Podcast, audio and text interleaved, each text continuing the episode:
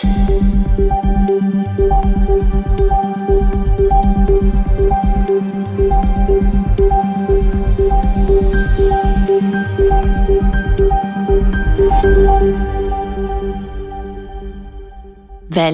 til Krimnytt, en podkast for deg som ønsker å følge med på aktuelle true crime-saker. Det har gått over en måned siden Jonas Aarseth Henriksen ble funnet drept i bilen sin like ved en hytte i Ringerike. 30 år gamle Jonas hadde like før drapet kontakta podkasten Avhørt for å fortelle om flere hendelser som gjorde at han følte seg utrygg.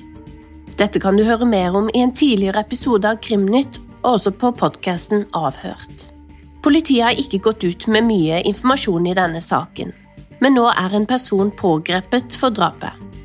En 28 år gammel mann er satt i fire ukers varetekt med brev og besøksforbud, og to av ukene er i full isolasjon, ifølge NRK.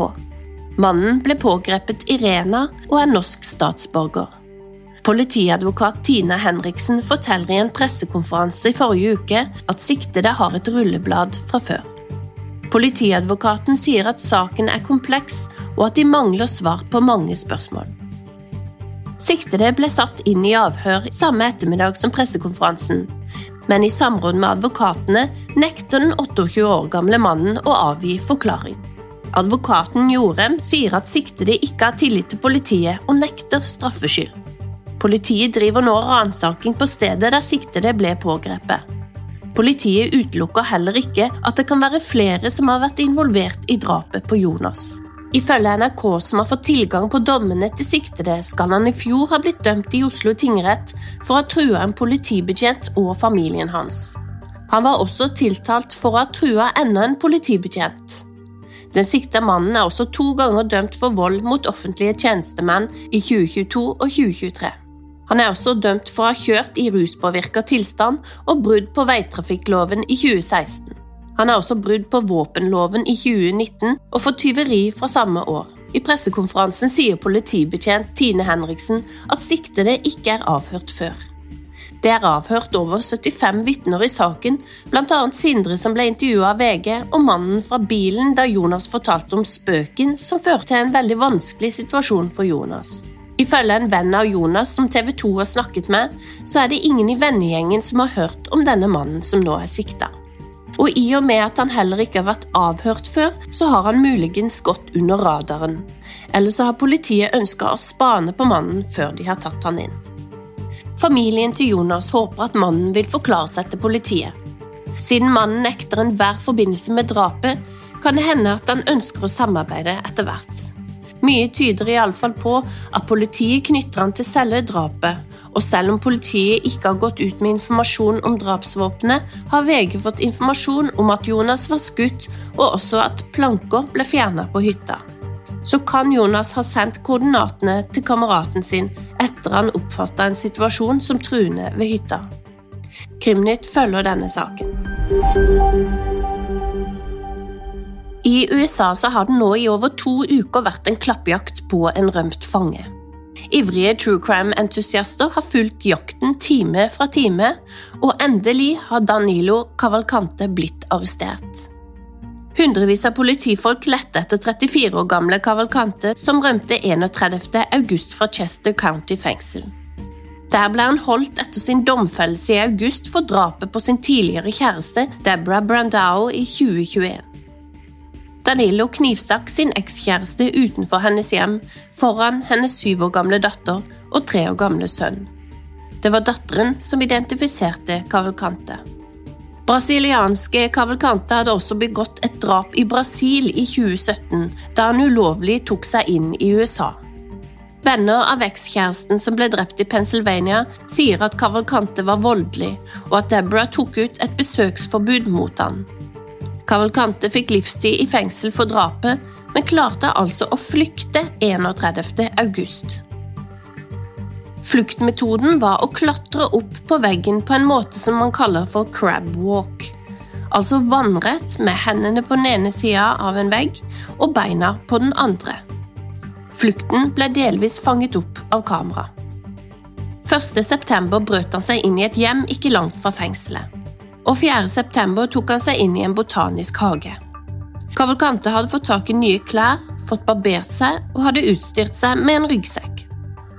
Etter dette gikk flukten til skogen, der et kamera har snappet ham opp. 9.9 klarte han å stjele en varebil som sto parkert med nøklene i. Han oppsøker så en bekjent som ikke var hjemme. Kamera på ringeklokka fanger opp en nybarbert Cavalcante. Dagen etter blir varebilen funnet, og politiet er hakk i hæl da de finner fotavtrykkene etter Cavalcante. Så blir Cavalcante en enda større trussel for både folk og politiet. 11.9 mottok politiet en ny telefon fra en beboer på Coventry Road. Han rapporterte om en kort latinamerikansk mann som var uten skjorte, og som hadde gått inn i garasjen hans mens han selv var inne i huset. Der skal han ha stjålet en rifle. Beboeren som selv hadde våpen, skjøt mot Cavalcante mens han flyktet. Cavalcantes genser ble funnet nær kanten av oppkjørselen, og nå er det altså en meget farlig mann på rømmen. Lite mat og søvn vil også bidra til at han blir enda mer uberegnelig og desperat.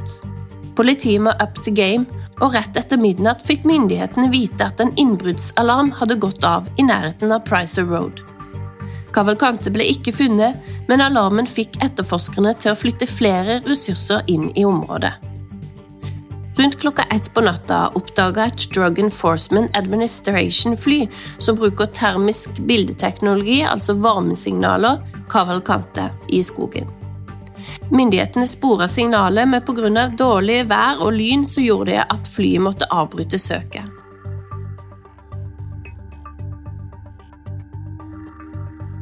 Så det var ikke før klokka åtte på morgenen at de taktiske teamene fra statspolitiet og Grensepatruljen rykket inn i området hvor varmekilden var lokalisert. Med hunden Yoda i spissen fikk de pågrepet Cavalcante. Han motsatte seg arrest, men de fikk arrestert han med mindre skader, bare et lite hundebitt. Så da er denne dramatiske jakten over, og endelig kan Cavalcante komme tilbake til soning. Du husker kanskje Danny Masterson fra The 70 Show. I mai i 2023 så ble han dømt for voldtekt i to av tre saker han var sikta for. Sakene gikk tilbake til 2001 og 2003. Nå har dommen kommet, og han har fått 30 år i fengsel.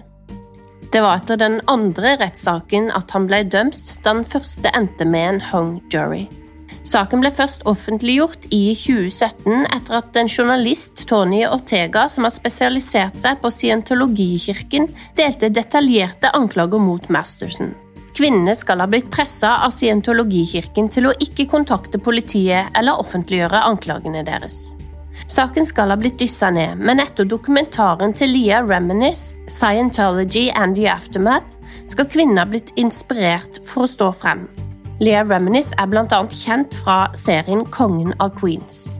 Kvinnene som var utsatt for overgrepene, var også med i kirkesamfunnet og ble pressa til å holde tett. Etter saken nå så har det lekket såkalte karakterbeskrivende brev som er gitt til dommeren. Disse skal ha som hensikt å formildne straffen til den dømte. I dette tilfellet er det ikke hvem som helst som har skrevet inn til dommeren. To av de som er mest kjent, er selveste Ashton Kutcher og Mila Kunis. Begge var medskuespillere i The 70 Shows da Mila bare var 14 år, Ashton var 19 og Danny 22. I brevene beskriver de Danny som en god rollefigur for kvinner, en som hjalp andre, og Mila beskriver han som en storebror. Det er tydelig at de ikke ante at disse brevene skulle lekke ut, for Mila og Ashton har nå fått massiv kritikk. Kutcher starta nemlig i 2009 en organisasjon sammen med sin daværende kone Demi Moore, som heter Thorn. Det er en internasjonal organisasjon mot menneskesmugling som setter søkelyset på seksuell utnyttelse av barn. Organisasjonen fokuserer på internetteknologi og rollen den spiller for å legge til rette for barnepornografi og seksuelt slaveri av barn på global skala. Folk har nå mildt sagt blitt forbanna over at Ashton og Mila har skrevet brev som forsvarer en overgriper. I en unnskyldningsvideo som ikke ser helt eh, ektefølt ut, beklager Kutcher og Kunis brevene og den skaden de kan ha medført. Forrige uke trakk paret seg ut fra organisasjonen med nok en unnskyldning til de som kan ha blitt såret av brevene og utdannelsen. Det var alt vi hadde denne uka. Vi er tilbake neste tirsdag med nye saker vi vil holde deg oppdatert på. Du finner oss også på Instagram under Krimnytt, og du finner meg og Lise på Krimprat med Lise og Fiona på Facebook. Vi høres igjen neste uke.